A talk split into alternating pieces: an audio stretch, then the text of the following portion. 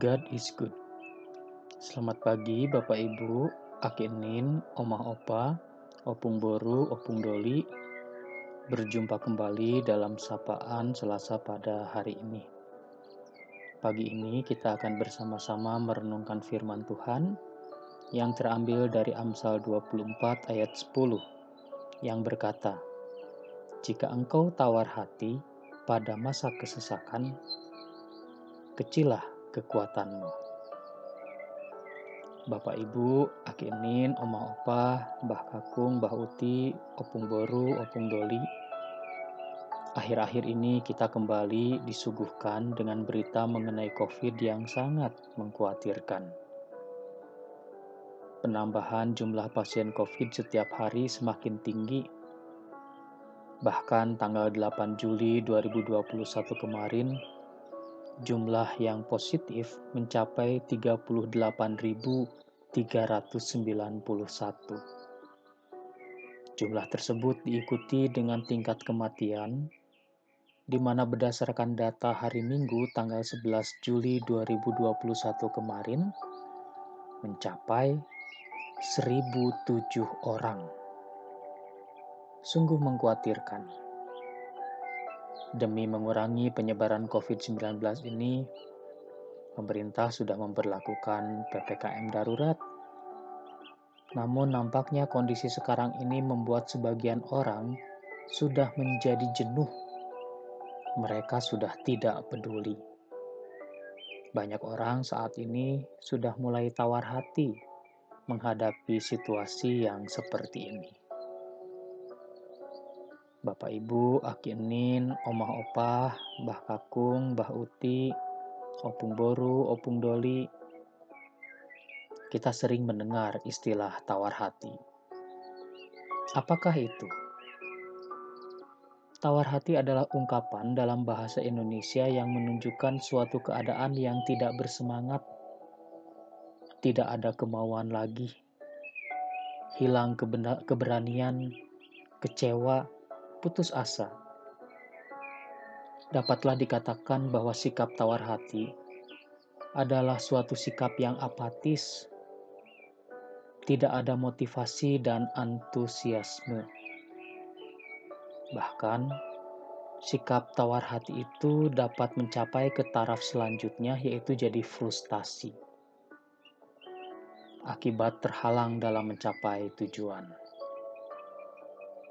Jadi sikap tawar hati menunjukkan keadaan yang sama sekali tidak bersemangat. Penulis Amsal memberitahu bahwa jika seseorang sudah tawar hati dalam keadaan yang menyesak, maka hilanglah kekuatannya. Dia sudah tidak memiliki kekuatan sama sekali. Hanya tinggal menunggu waktu untuk menjadi hancur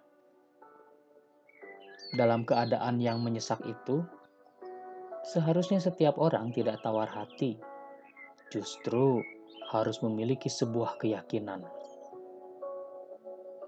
Bersyukur di dalam Tuhan, kita meyakini bahwa Yesus tidak akan pernah meninggalkan kita.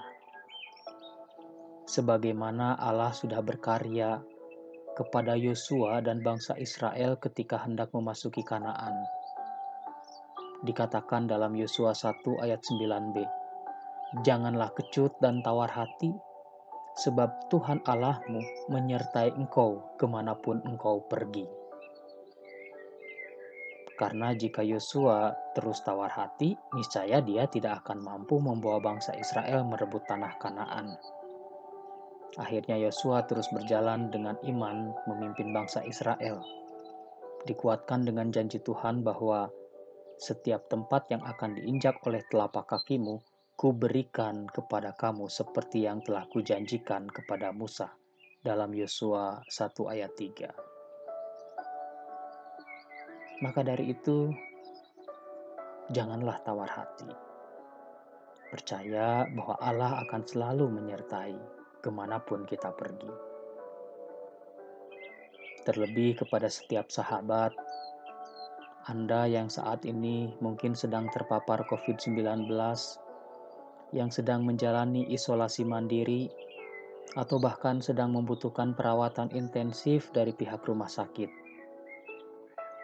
Janganlah tawar hatimu. Percayalah kepada Tuhan. Dia sanggup menolongmu. Tidak ada persoalan yang tidak dapat ditanggung dan diselesaikan bersama dengan Dia.